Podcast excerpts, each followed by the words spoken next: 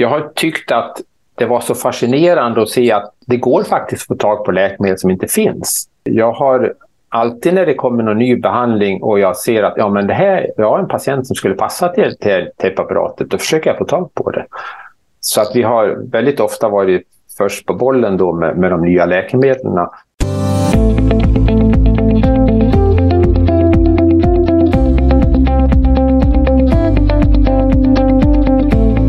Lyssnar nu på Lundcancerpodden.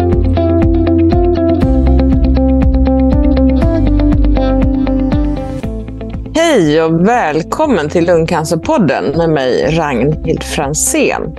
Nu är det ett tag sedan jag poddade och jag hoppas att ni längtat riktigt mycket efter ett nytt avsnitt. Och idag ska vi prata om kliniska studier, licensläkemedel och IPÖ. Det låter ju lite krångligt, men lugn, vi ska förklara. Och som specialist har jag med mig Anders Wikström som är överläkare vid lungkliniken på Universitetssjukhuset i Linköping. Välkommen hit. Tack så mycket. Och vi kör på Zoom på grund av avståndet. Anders, du är ju lungläkare och kliniker och jobbar med lungcancerpatienter i Linköping. Kan du berätta lite vad du gör? De flesta patienter kommer till oss via remiss. Så att det första vi gör är att vi liksom bedömer remisser och planerar utredning.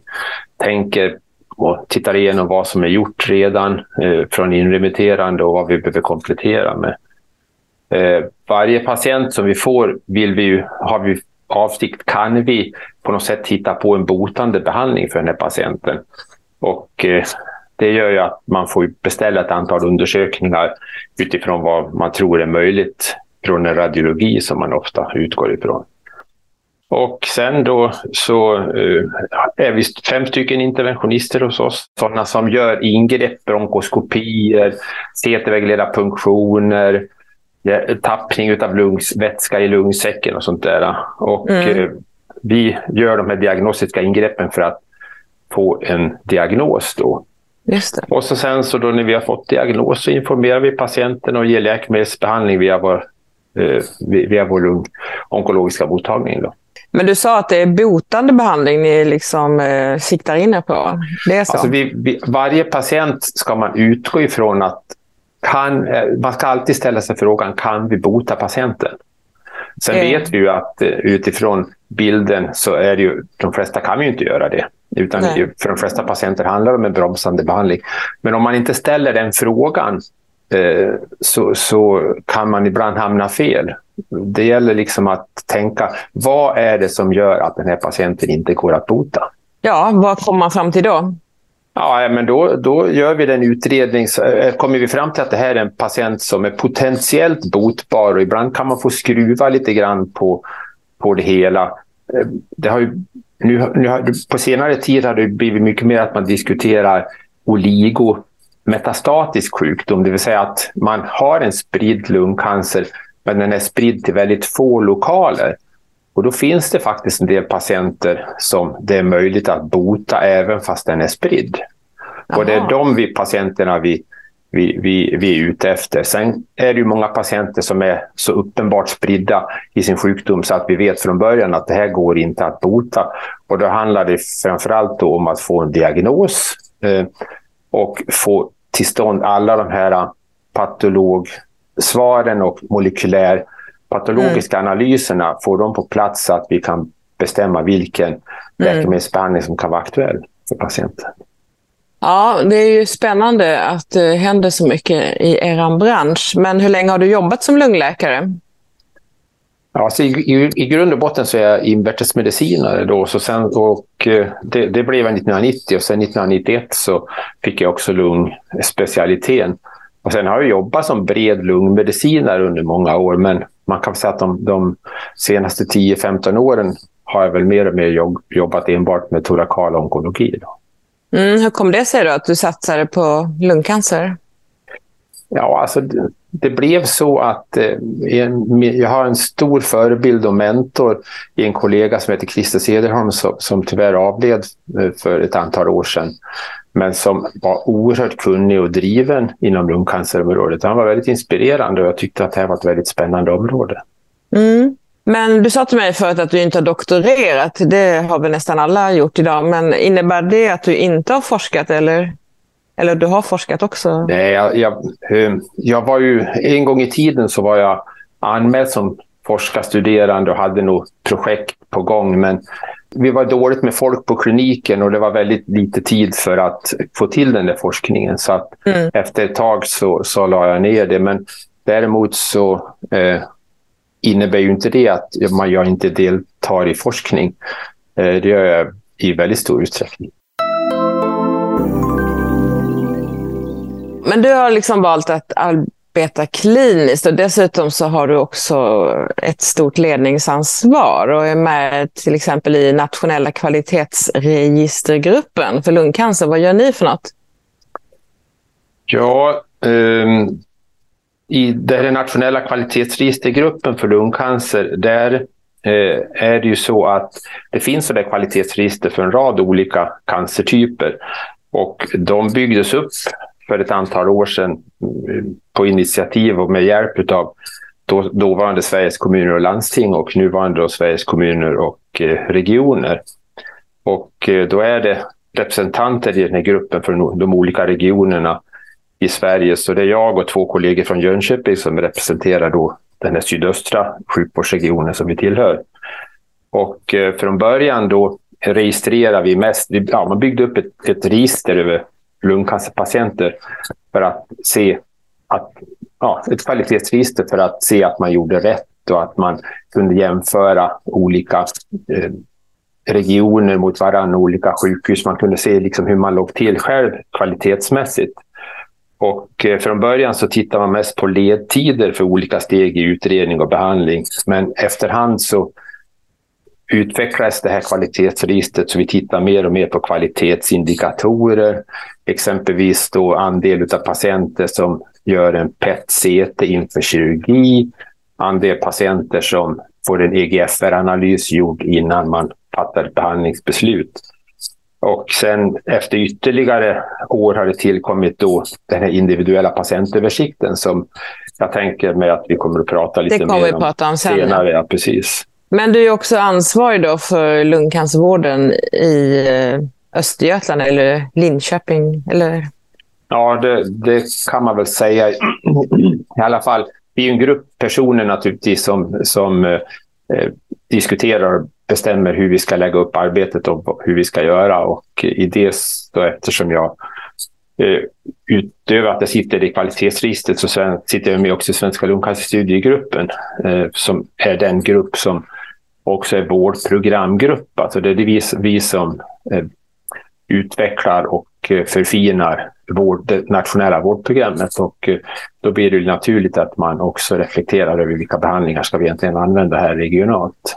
Mm. Det låter bra. Vad gör du när du inte arbetar? Du sa att du börjar trappa ner lite. Vad har du för andra intressen? Ja, alltså eh, naturen, naturen är min kyrka på något sätt. Eh, där kan man riktigt koppla av. Är ute mycket och vandrar, vandrar i fjällen, åker skidor. Och nu under pandemin så köpte vi oss en husbil som mm. gör att man ytterligare kan komma ut och parkera på ställen någonstans och se sig om i nya Köra, områden som annars är lite svåra att nå. Ja, vad härligt. Det låter ju fint. Det var lite om dig. Nu ska vi gå in på dagens ämne som bland annat ska handla då om läkemedelsstudier som du har sysslat mycket med. Hur kommer det sig att du har arbetat med det? Ja, eh, som jag sa så representerar jag då regionalt i den svenska lungcancerstudiegruppen och eh, eh, dit vänder sig då läkemedelsbolag till mig och andra personer i liknande position då med eh, liknande funktioner från andra regioner. Alltså att har de ett uppslag på en läkemedelsstudie man vill göra, då är det ett antal personer, ett tiotal personer i Sverige som man tillfrågar om man tror att man har patienter för studien som kan passa, vad man tror om studieupplägg, eh, hur mycket patienter tror man man kommer kunna inkludera i studien och så vidare. Så du är liksom den första anhalten och sen ja, delas arbetet upp? Ja, så att på alla universitetssjukhus i alla fall och på många andra kliniker också, på lite mindre sjukhus, där har man ju någon slags eh, prioriteringsråd där man då försöker prioritera vilka studier ska vi gå in i, vilka ska vi, okay. eh, vilka, vilka tror vi att vi har patienter till. Ja. Men först kan vi bara förtydliga, vad är en studie? Och det finns ju olika typer av studier. Kan du bara förklara lite skillnad? Ja, um, om man tänker... Vi, jag jobbar ju i stort sett bara med kliniska studier som baseras på kliniska frågeställningar. Och då kan ju sådana antingen vara då akademiska studier som initieras av lokala kliniker och ofta är det läkare, men det kan även vara andra yrkesgrupper inom sjukvården som, som initierar sådana akademiska studier. Eh, och, eh, men sen då finns ju då de här läkemedelsdrivna studierna som finansieras eh, från läkemedelsbolag och då handlar det ju mer om uppdragsforskning. Men de akademiska, vad, vilken typ av forskning är det då? Ja, det kan exempelvis vara, vi har för närvarande ett projekt som där vi tittar på en eh, cancer, cancerenzym och om det, man kan monitorera det cancerenzymet och eh, se på hur patienten svarar på behandling och inte. Och det är ett, ett projekt initierat lokalt. Mm. vi har också tittat på eh, vi har flera stycken projekt eh, med EGFR-muterade patienter där vi har eh, vi har tittat tillsammans med Kalmar på våra 23 patienter som det går bäst för och de 23 patienter det går sämst för som har varit GFR-muterade. Och så har vi gjort om den här molekylärpatologin med breda genetiska paneler för att se om det är något som karaktäriserar de som eh, mm. det går väldigt bra för respektive de som det går väldigt dåligt för. Så det är exempel på sådana här akademiska projekt. Men ni gör både och så att säga i Linköping? Både kliniska och akademiska? Ja, om man mm. tänker kliniska. Men, men allting utgår i, i kliniken oavsett om det är akademisk studie eller om det är så att säga läkemedelsbolagsinitierade studier. Så det är, mm. det kliniska frågeställningar alltid. Mm. Man kan skilja då på sån forskning som är med grundforskning där man i laboratorier tar fram nya principer och man hittar nya vägar för cancerceller att eh, proliferera och så. så och, och, det är mer en annan typ av forskning, mer en laboratorieforskning. Och sånt sysslar inte vi med, men vi har några kollegor som håller på med sånt också. Okej, okay. och sen delas eh, kliniska studier upp i olika faser. Kan du förklara de olika faserna lite kort? Ja, de här, många av de här studierna eh, som då, om vi pratar om läkemedelsstudier framför allt, men det behöver inte bara vara läkemedelsstudier, men det är där man kanske tänker på det framför allt. Då säger man att man startar med fas 1-studier. Man har ett läkemedel som verkar vara lovande och så vill man se hur, tolerer, hur tolereras det av personer och hur ska det doseras? Så det är doserings och toleransstudier som är fas 1-studier. Fas 2 då eh, har man kommit fram till att ja, men den här dosen verkar fungera och det här verkar vara en maximalt tolerabel dos. Och då prov, prövar man den på ett antal patienter för att titta på effekt och för att få mer kunskap om vilka biverkningar och vilken frekvens av biverkningar man då kan förvänta sig. Och eh, om man då tycker att ja, men det här verkar väldigt lovande, då gör man en fas 3-studie där man då jämför det nya behandlingen mot en standardbehandling för att se vilken av dem som är bäst eh, och vad det kostar då i, i biver, på biverkningssidan i så fall. Är det mest trean ni håller på med? Eller? Ja, eh, mest fas 3-studier, men också en del fas 2-studier. Men, men fas 1 sysslar inte vi med alls. Nej, det är mer det är vanligt att man gör det på Karolinska sjukhuset och så kanske okay på en del andra ställen. Men fas 2 och 3 håller vi på. Är det speciella, speciell personal som sysslar med studierna enbart? Eller? Ja, alltså för att kunna få vara med i de här studierna så måste man liksom vara inläst på protokollet. Så att, eh, jag har ju ett antal forskningssköterskor som jobbar tillsammans med mig. Då. Och sen har jag några kollegor som också eh, är for, ja, utbildade på de här forskningsprinciperna. Eh, mm. Så att man får i studier. Så att de ser också de här patienterna. lite erfarenhet för att få ja. jobba med det. Ja, och eh, det är alltså inte bara läkemedelsindustrin som initierar utan det görs även från akademin kan man säga. Ja, i den här svenska lungcancerstudiegruppen så jobbar vi ju, eh, har vi, jobbar vi universitetsklinikerna emellan och där initieras en hel del studier. Eh, det, exempelvis från Göteborg nu så är väldigt många strålstudier på gång ja, att starta det. upp på initiativ därifrån. Ja. Nästa program med Aha, Andreas okay, Hallqvist. Ja. Men sen har vi också då ett stort samarbete med Norge och Danmark nu då. Eh, okay. Med, med de lungcancerstudiegrupperna där och då Aha. gör vi akademiska studier tillsammans med dem. Hur inblandade är läkemedelsbolagen i själva forskningen? Hur mycket har de att liksom säga till om? Ja, alltså de har ju enorma forskningsresurser. Det är, så det är ju de som plockar fram de här olika substanserna, kandidatsubstanser för nya läkemedel.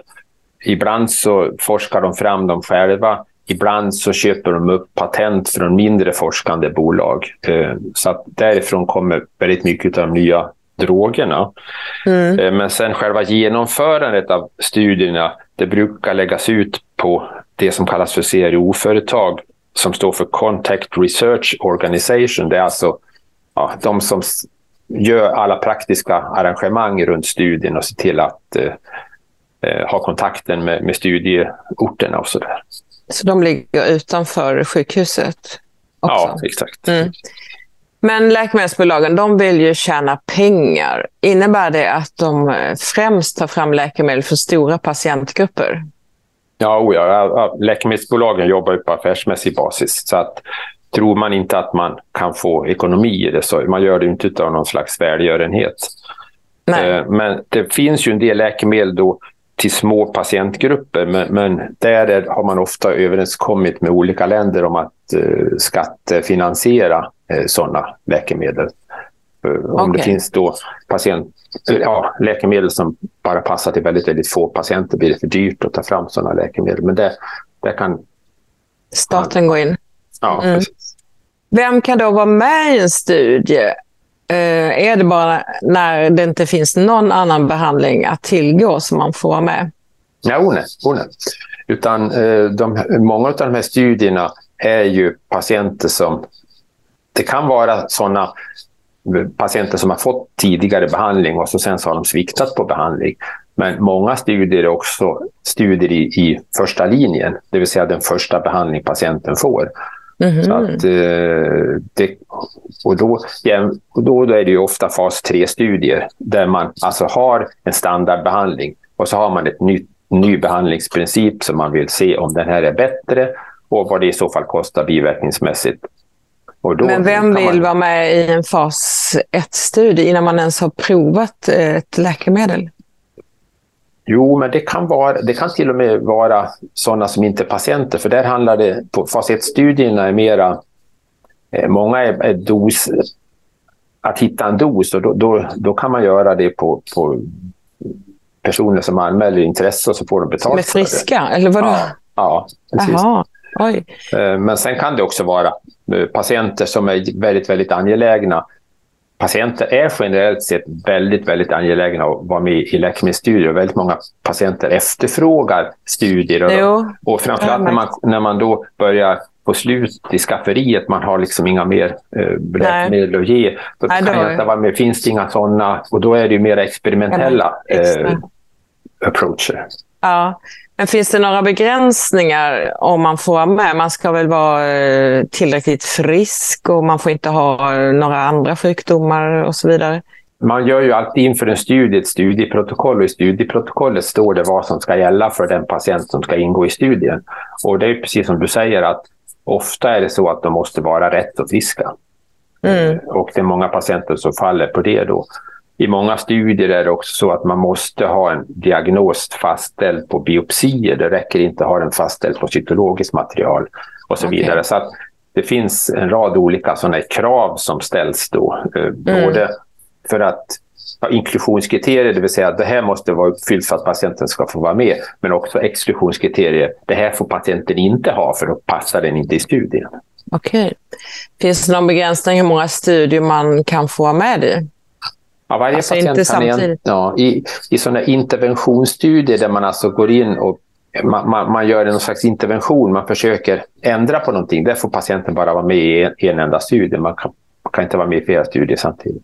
Nej, jag tänkte mer att eh, varje patient får bara vara med i totalt tre studier under sin Nej, det, det, finns ingen sån gräns. Och, och, eh, sen finns det också registerstudier och sånt där. Och det, det kan patienten vara med i fast den är med i en interventionsstudie också. Okay. Och, men den kan inte vara med i två interventionsstudier samtidigt utan då måste den ha sviktat på interventionsstudie 1 och passa interventionsstudie 2 för att kunna få vara med i den studien. Men hur får man då reda på vilka studier som finns och vilka som passar mig? Det är ju eh, lite grann ett problem för man vet ju inte alltid riktigt vilka studier som pågår på andra sjukhus i landet. Eh, vi vet ju vilka studier som vi har. Så att mm. när man har en patient som man tycker att den här patienten skulle vara lämplig för en studie, då eh, erbjuder man ju patienten att vara med i, i studien lokalt. Då.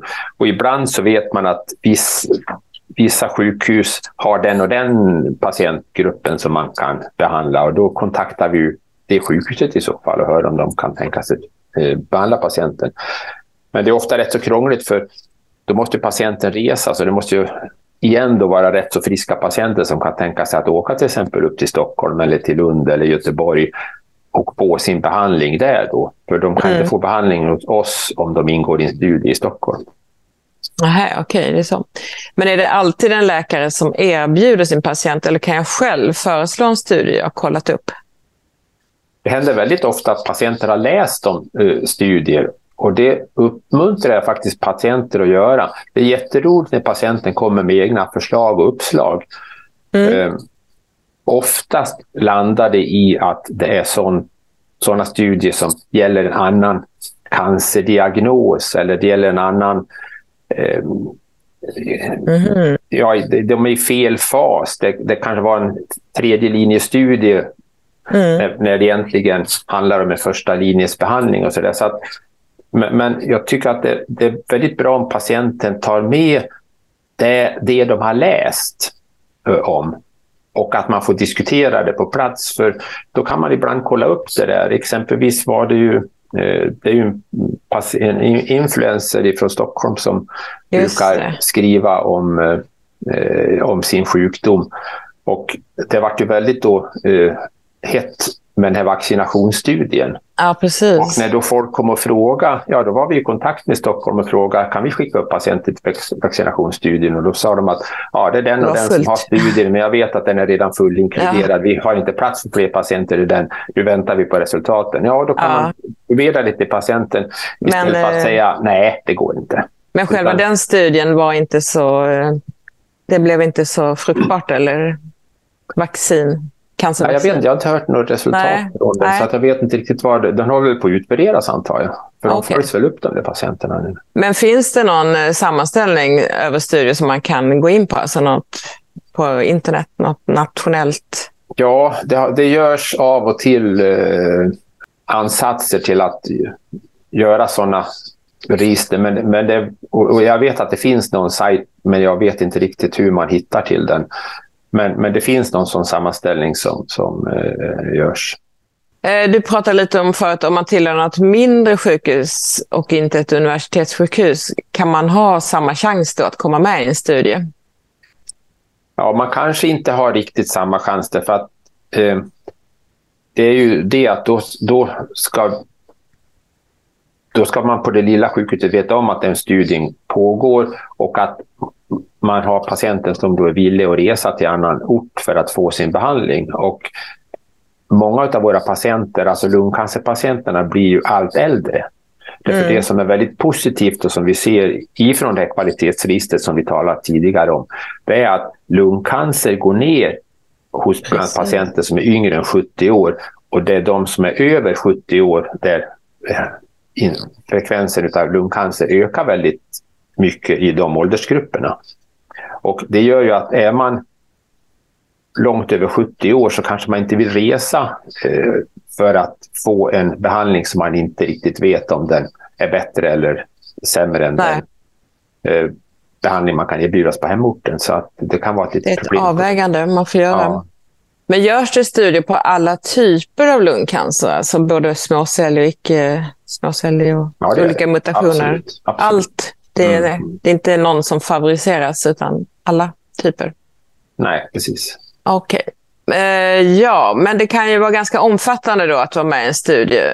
Hur går själva förloppet till? Du pratar lite om att det är mycket tester och så vidare som görs. Det där sägs ju då i studieprotokollet vad, vad, som ska göra och det ska framgå vilka undersökningar som ska ha gjorts och vad de ska visa eller inte visa för att patienten ska vara lämplig att delta. Eh, så att eh, det, det, allting framgår av studieprotokollet egentligen. Mm. Hur lång brukar en studie vara om man nu ska delta? Det brukar vara så att eh, det, man inkluderar patienter under kanske ett till två år. Och sen stängs studien för inklusion och sen så då följer man patienterna. Eh, och det är lite olika hur lång tid man följer patienterna för det beror på vad det är som man, eh, vilket effektmått det är som man tittar på. Eh, om det är överlevnad om man har en behandling där patienten har en väldigt lång förväntad överlevnad, ja då blir det ju uppföljningstiden väldigt lång. Eh, exempelvis om man behandlar med alkhemmare där man vet att, eh, att patienten har en väldigt lång förväntad överlevnad. Kontra om patienten har en småcellig lungcancer där man tänker sig att det är kort förväntad överlevnad och då är uppföljningen ofta kortare också. Men sen då om det här preparat ratet som man har provat, om det ska verkligen bli läkemedel, då tar det liksom flera år emellan innan det kommer ut. Ja, så var det förr. Eh, men det, det har ändrat sig rätt så dramatiskt det där faktiskt. Eh, för att nu börjar man för, för, flera år sedan att i USA eh, via den här Food, Drug, Food and Drug Association, alltså deras läkemedelsmyndighet, erbjuda fast track för vissa väldigt lovande läkemedel. För att en del läkemedel verkar ju vara så ofantligt bra så att då tycker man att man vill inte undanhålla dem mm. för att man ska okay. bli klar med alla studier. Att man ger ett villkorat till, tillstånd till att använda drogerna. Så att nu, mer är det faktiskt så att det tar ibland två, tre år från det att man startar de här fas 1-studierna till det finns alltså eh, som färdigt mm. läkemedel. Okej. Okay. Ja, det låter ju bra. Eh, men den som är med i studien, den vet ju inte vilken typ av eh, piller man får då till exempel. Är inte det lite läskigt att man vet inte om det är placebo eller om det är en verklig Ja, nej, men alltså, patienten får ju alltid i de här fas 3-studierna så, eh, så har man ju alltid en kontrollgrupp som erhåller standardbehandlingen.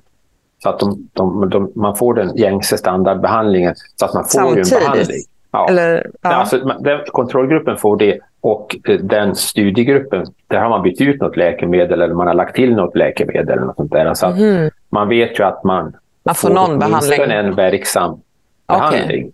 Och sen kan det vara så att studiebehandlingen är bättre men det kan ju också vara så att studiebehandlingen är sämre. Det mm. vet man ju inte förrän det har utvärderats. Men eh, man får ju följas upp kontinuerligt, eller hur? Med CT ja, och... Ja. ja. Och det framgår av studieprotokollet och det brukar vara att man, att man gör röntgenundersökningar. I lungcancerstudier oftast var sjätte vecka gör man en datortomografi. Eh, och sen om det har då gått kanske ett år eller så, så eller, då, då, gör man det lite mer glest och sådär. För att inte det ska bli för mycket röntgenundersökningar. Okej, okay, men så fort det blir progression så avbryts eh, behandlingen? Eller? Det är olika, det är vad studieprotokollet säger. För ibland så behandlar man det man kallar beyond progression. Om det, om det är så att man vill se vad som händer eh, senare i en uppföljningsfas. Då. Mm -hmm. då, får man, då får man se vad får patienten för behandling efter att den har sviktat på behandling och så registrerar man det. Och så. Okay. Men kan det vara direkt farligt att vara med i en studie? Alltså det kan ju vara farligt om det är ett läkemedel då som, eh, som eh, har oväntade biverkningar. Men rent generellt sett så finns det studier som visar att det går bättre för patienter som är med i studier än de som inte är med i studier. Okay. För att man, det protokollet säger ju, kräver ju en väldigt noggrann uppföljning av patienten. Så att det är mycket mer röntgenundersökningar, mycket mer laboratorieprover, mycket mera besök för patienterna då som ja. går i de här studierna. Så därför så har man mycket, mycket bättre koll på patienten än vad man har i vanlig klinisk rutin. Okej. Okay. Hur många studier inom lungcancer är igång just nu? Kan man säga det i Sverige? Ja, det, det är lite olika då. Jag tror att jag har jättedålig koll på vad som är igång när det gäller fas 1-studier och, och i viss mån även fas 2-studier.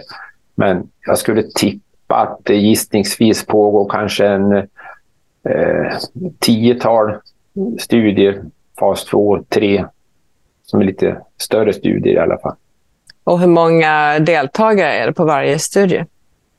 Ja, det är igen väldigt olika därför att förr var det lättare att göra studier där vi kunde inkludera väldigt många patienter därför att vi delar ju bara upp, exempelvis om man hade icke småcellig lungcancer så delar man upp dem i om det var adenocancer eller skivdelcancer. Men numera är det ju så att den här, de här grupperna delas upp i många, många mindre och mindre stycken. Så man har EGFR, ALK, Roset, BRAF, alla de här. Och de grupperna är så små så att det blir inte så många patienter man kan hitta till de studierna. Nähä, det är så. Eh, och eh, därför är det ibland svårt i Sverige att bedriva sådana studier. För det kanske är så att en studie på en rättämmare, vi hittar en eller två patienter per universitetssjukhus eh, i okay. Sverige och år. Mm. Och det är svårt att starta upp en studie när man kommer att hitta så lite patienter eftersom det är ett mm. gigantiskt pappersarbete bakom det hela. Det. Så man belastar sin forskningspersonal oerhört för väldigt lite värde. Det är forskningssköterskorna som gör det största jobbet? Absolut. Ja. Doktorerna gör inte mycket. Nej, okej. Okay. Men varför gör man inte fler studier? Finns det inte behov eller är det personalen det brister på? Ja, alltså det är en resursfråga. Eh, mm. Vi skulle kunna göra hur mycket studier som helst, okay. Eh, men det, det, forskningssköterskor är en eh, bristvara. Mm. Ja, fler får utbilda sig. Kan man vara med i en studie utomlands? Ja, det kan man vara. Det är ovanligt, men, men det kan man vara. Men det måste godkännas då av ens läkare? Eller? Ja, alltså, det brukar ofta inte vara något problem att, att om, om det finns en stund studie, utan det är snarare finns det en patient som är redo att åka utomlands okay. för behandling. För om Kostar det är en behandling där man måste ha många olika, många återkommande besök så är det ju ett himla resande. Mm. Eh, och det får man betala så, själv antar jag? Nej, nej alltså nej. bolagen betalar ofta det okay. där. Så det brukar inte vara att det för patienten blir någon större kostnad. Studier eh, är man väldigt frikostig från företagens sida att se till att patienter ska kunna vara med Så att okay. det, där slår man för det mesta. Hur många läkemedel som testas kastas sen i papperskorgen och inte blir av? Är det vanligt eller mindre vanligt? Ja, man kan säga att det är säkert enorma mängder som kasseras i de här, i de här forskningslaboratorierna på företagen. Eh, mm. Och det har jag ingen aning om hur många som man, idéer som man eh, förkastar. Men det är väldigt ovanligt att när ett preparat har väl kommit fram till en fas 3-studie så är det väldigt ovanligt att det inte visar effekt. Okay. Eh, därför att företaget har lagt ner kanske miljarder på den här substansen och alla studier har visat att det här verkar funka. Så att bolaget gör ju enorma förluster om man inte får det här läkemedlet eh, ut till patienterna så att man kan få in pengarna man har lagt ner och Precis. att ta fram det. Ja, det förstår jag. Så att, men vi har, jag har varit med om ett par studier där man, har fått, där man sa att nej, men det var ingen effekt. Det gick inte. Läkemedlet. Nej, nej, men det är ju bra. Mm. Eh, men det kostar ju inget då för patienten att vara med i en studie, för läkemedelsbolaget betalar ju ja. för det som undersöks. Och sen om det blir ett så kallat licensläkemedel som vi ska komma in på, då är det väl TLV som betalar, eller?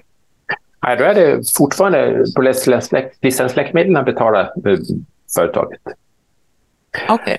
Så att eh, TLV, alltså Tandvårds och läkemedelsverket, de, de bestämmer vilken tandvård, vilka läkemedel, vilka förbrukningsartiklar som ska ingå i högkostnadsskyddet. det är mest det de bestämmer. Ska mm. det ingå i högkostnadsskyddet eller inte? Så det är liksom en ekonomisk granskning av eh, preparatet. Ja, så är det en senare sak. Ja. Um, så att... Men innan eh, man bestämmer sig för att tillverka ett läkemedel, då ska det vara liksom ordentligt undersökt och godkänt? Och... Ja, precis. Ja. Och då har det först, alltså de stora godkännarna, det är ju FDA i USA och EMA i, i Europa. Då. Alltså den europeiska läkemedelsmyndigheten och den amerikanska läkemedelsmyndigheten. Det är ju de stora aktörerna här. Det är där läkemedlen måste bli godkända. Och har ett läkemedel i Europa godkänns av EMA, då har det godkänts i hela Europa. Okej. Okay. Och då går det sen då till, till eh, Läkemedelsverket som eh, godkänner i Sverige. Då, i, I Sverige, ja, precis. Och godkänner det formellt.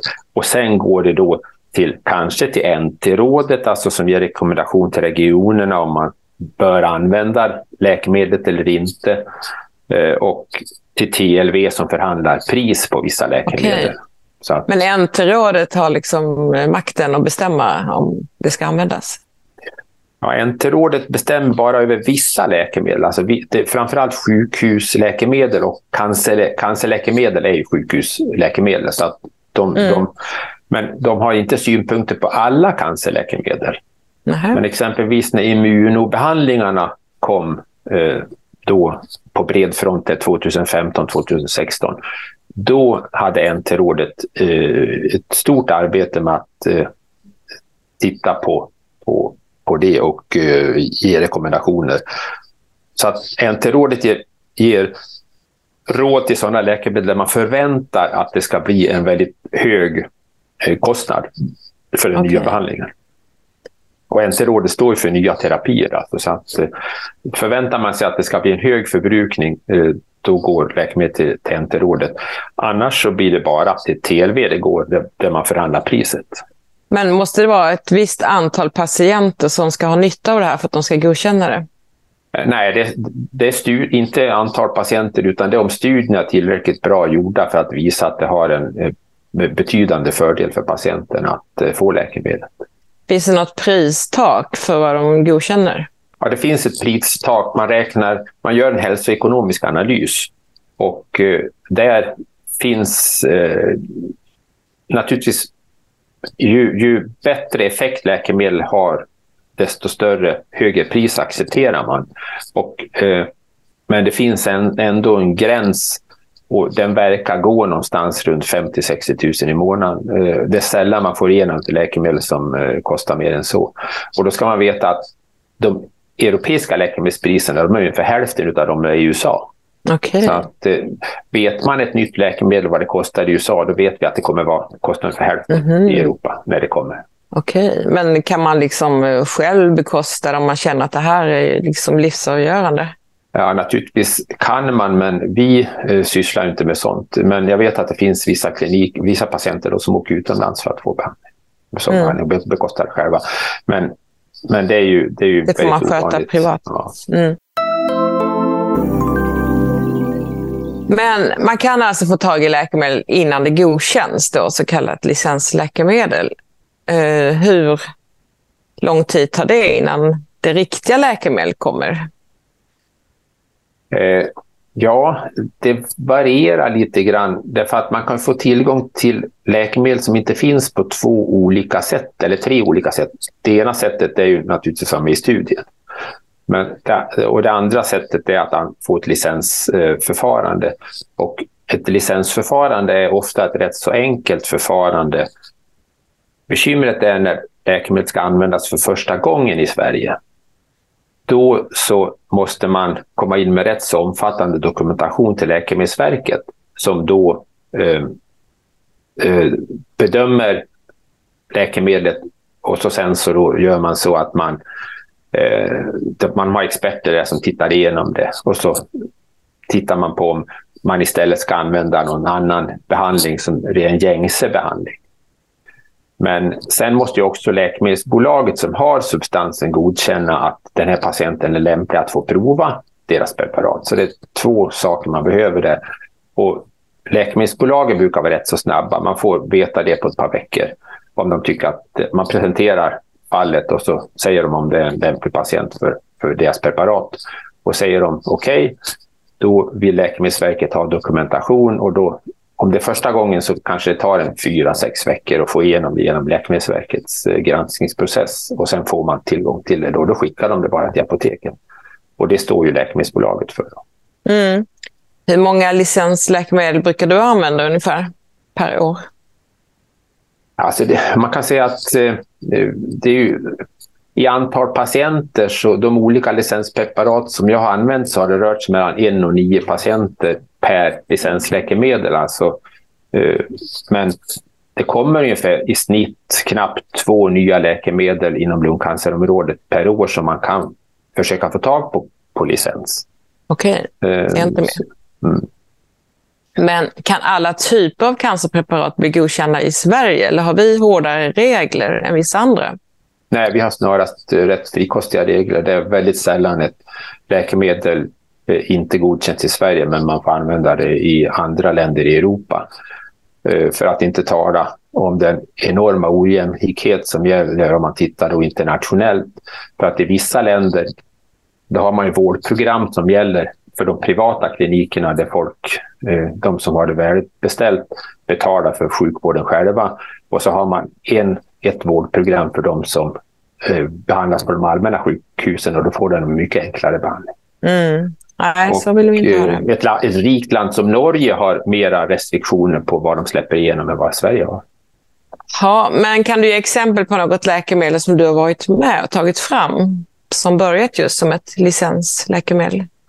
Jag tar ju inte fram läkemedel, men jag har ju liksom sökt licens Godkänd. för dem. Då. Ja. Och, och, då har ju då Tagrisso exempelvis, VGFR, muterad lungcancer, eh, Lolatinib och Brigatinib var preparat som vi använde väldigt tidigt innan de fanns att tillgå. Så det var, hur länge sedan var det? Som jag har ätit det nu. Ja, 2015, 2016 någon gång. Mm. Ja, härligt. Eh, ja, en fråga som flera av oss patienter drabbas av någon gång ibland är att medicinen är slut på apoteket och är restad. Ja, hur kommer det sig och vad gör man då? Ja, eh, alla skyller på kriget i Ukraina och transportgrejer och sånt där. Och det kanske är så att det eh, spelar in där. Då. Jag vet inte vad det är som gör att det är sån bristvara med många läkemedel nu då. Men det är i alla fall så att om, om det inte finns på ens apotek så finns det en sökfunktion i FAST där man kan se var det finns i så fall. Så att apoteken mm. kan ju transportera det mellan sig så att säga. Så att okay. Eh, det finns något som kallas för lagersaldo eller lagerstatus eller sånt där i FASS och så går man, klickar man på den länken och då får man fram, antingen kan man söka i apotek i närheten av var man bor eller i hela landet. Så att, eh, man kan väl beställa det själv också på apoteket så kommer det till ens apotek? Ja, precis. precis. Men eh, tycker du att man ska behöva bunkra sin eh, medicin? Ja, man ska ju inte bunkra medicin för det vet vi ju, det, när coviden kom, det höll på att ta slut toalettpappret för att folk ja. trodde att man behövde toalettpapper. Och, jag menar, det var ju aldrig någon brist på toalettpapper. Det var ju det att folk hade bunkrat. Så att, och gör man samma sak med läkemedel så kommer det ju fattas för de som behöver läkemedel. Ja. Och så sitter folk hemma på läkemedel. Sämre effekt. Ja. ja. Så att, eh, på totalen blir det, är det jättedumt att bunkra. Och man får ju inte ut mer än en gång i månaden heller. Nej, alltså, nej man kan, ja, för tre månader kan man få ut läkemedel. Okay. Om det, det beror lite grann på hur receptet mm. Men vem är det som har ansvaret för att det finns medicin i lager på apotek för alla som eh, har recept? Liksom, alla brukare? Jag vet inte. Nej, är det apoteken? Jag har ingen som, som det måste finnas någon kontroll så att det liksom finns i lager. Ja, jag tänker mig att region, regionen måste väl ha något slags ansvar. Läkemedelsverket kanske. Eh, ja, någonstans där. Det, det ligger högre upp i alla fall. Ja, precis. Ja, nu ska vi gå in på IPÖ som vi var inne och nosade lite på i början. Och eh, det kan väl sägas vara ett datahjälpmedel som eh, har börjat användas av doktorer inom cancervården. Vad betyder IPÖ? Eh, IPÖ betyder individuell patientöversikt. Och man kan säga att det är en grafisk framställning av patientens tumörhistorik. Och eh, det, finns, det kommer på fler och fler cancertyper. Det här kom och utvecklades någon gång från 2010 uppstod idéerna. 2014 fanns det pilotöversikter för diagnoserna njurcancer, lungcancer och prostatacancer. Men nu finns det för åtta patientgrupper sådana individuella patientöversikter.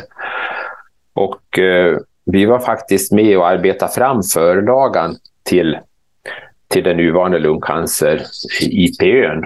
För vi hade en annan eh, lösning, som en annan databas som vi jobbar mot då och fick hjälp av ett läkemedelsbolag att ta fram. Så vi, de erfarenheterna vi hade från att bygga det kvalitetsregistret fördes väldigt i stor utsträckning ut över till lungcancer IPÖ.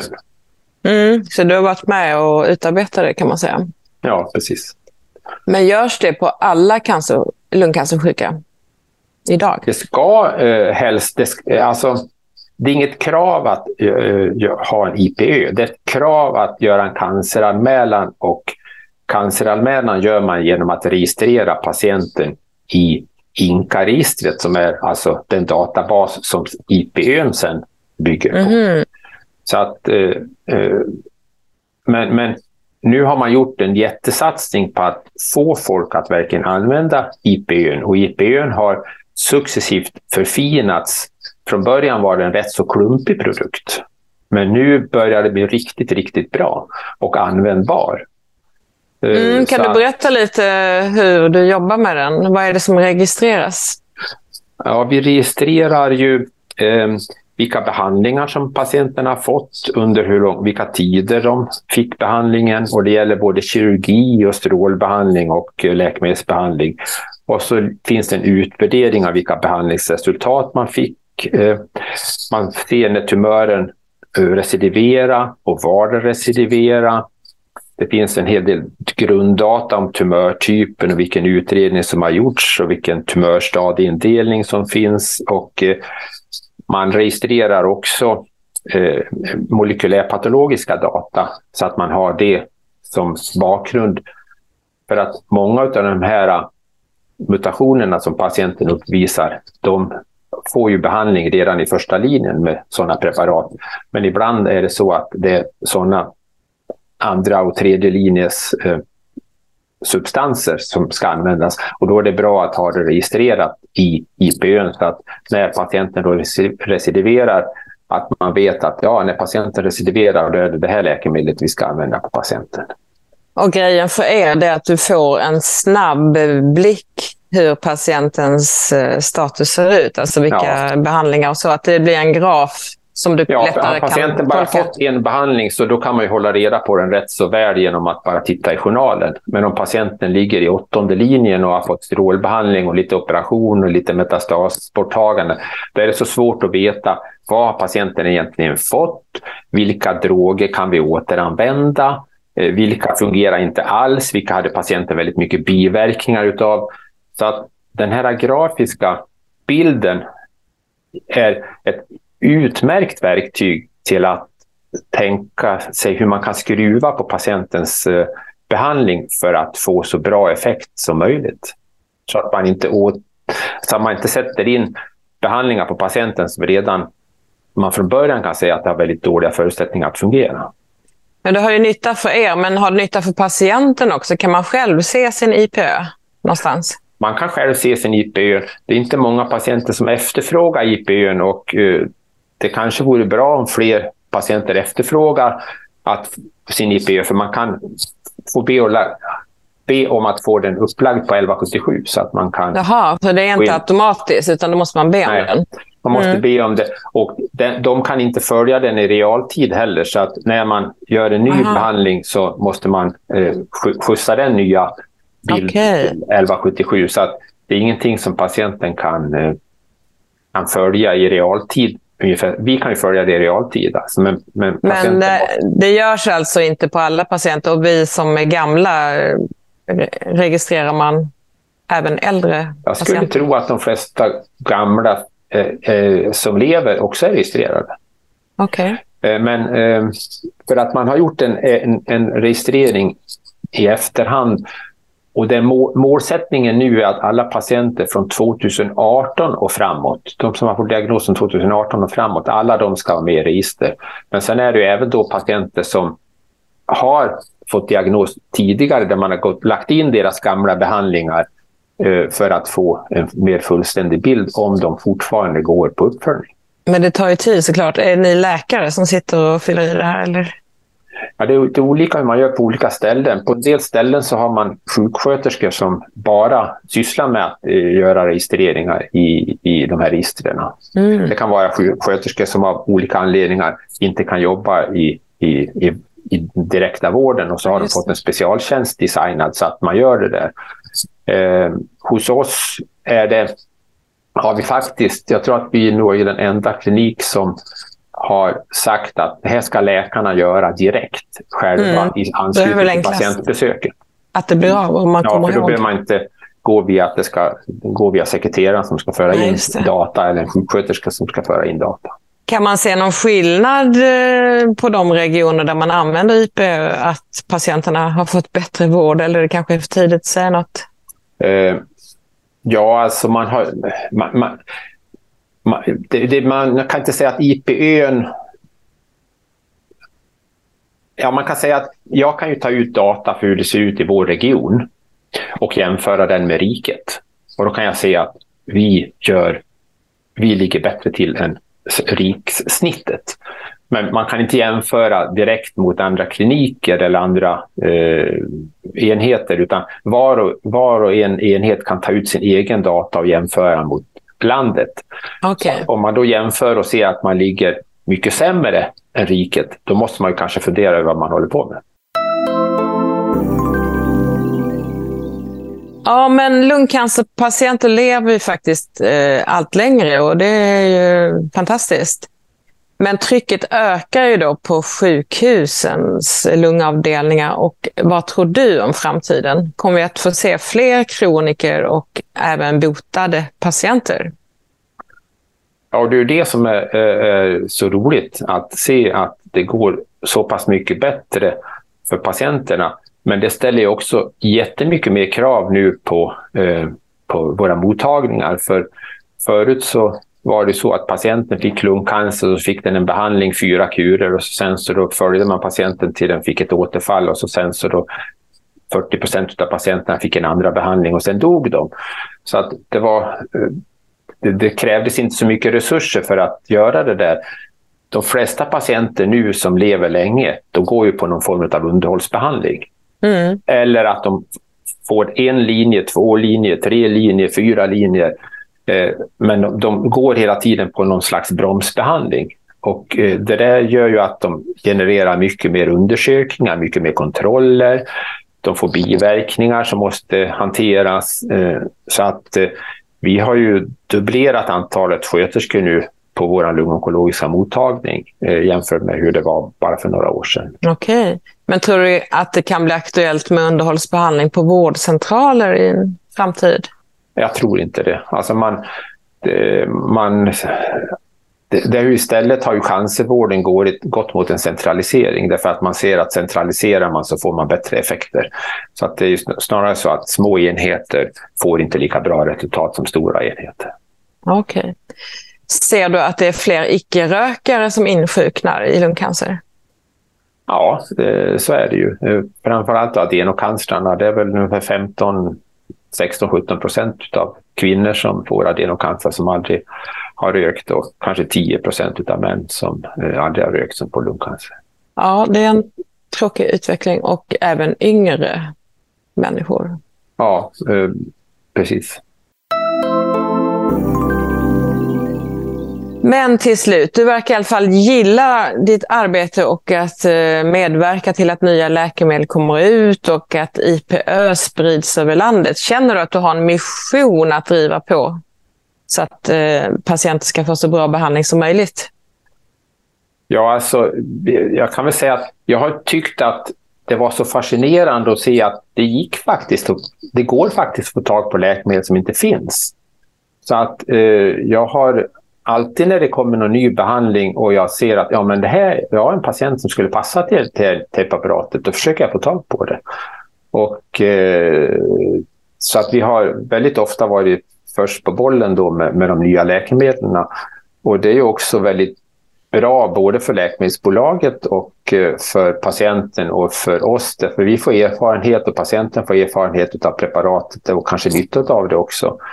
Och eh, men när det då ska lanseras så finns det åtminstone några i Sverige som har erfarenhet av eh, preparatet. För den som gör den första registreringen eh, till Läkemedelsverket, den första förfrågan till Läkemedelsverket att få licens, den får lägga ner lite mer tid på att få den där licensen beviljad. Men sen nästa klinik som har en liknande patient som behöver det preparatet, eh, de har en mycket enklare process för de behöver bara i stort sett få ett godkännande ifrån från läkemedelsföretaget. Och, eh, och, vi har ju väldigt mycket kontakt, vi som sitter på de större klinikerna, med varandra så att man har väldigt god pejl på vilka läkemedel som är på gång och eh, hur många som har fått det och det läkemedlet på de olika orterna. Och så. Ja, det låter bra. Så att ni har ett gott samarbete. Ja, oja, oja. Stort tack, Anders, för att du tog dig tid att besvara mina frågor och tack till dig som lyssnat. Tack också till Taylor för inspelning och klipp denna gång. Och glöm inte att du kan gå in och kommentera dagens avsnitt på www.lungcancerpodden.se. Och du kan också ge tips om vad vi kan ta upp i podden och om du vill vara till exempel en patientberättelse får du gärna kontakta mig på fransen med z fartreklam.se. Hej då Anders! Mm, tack och hej då! Och hej alla lyssnare på återhörande.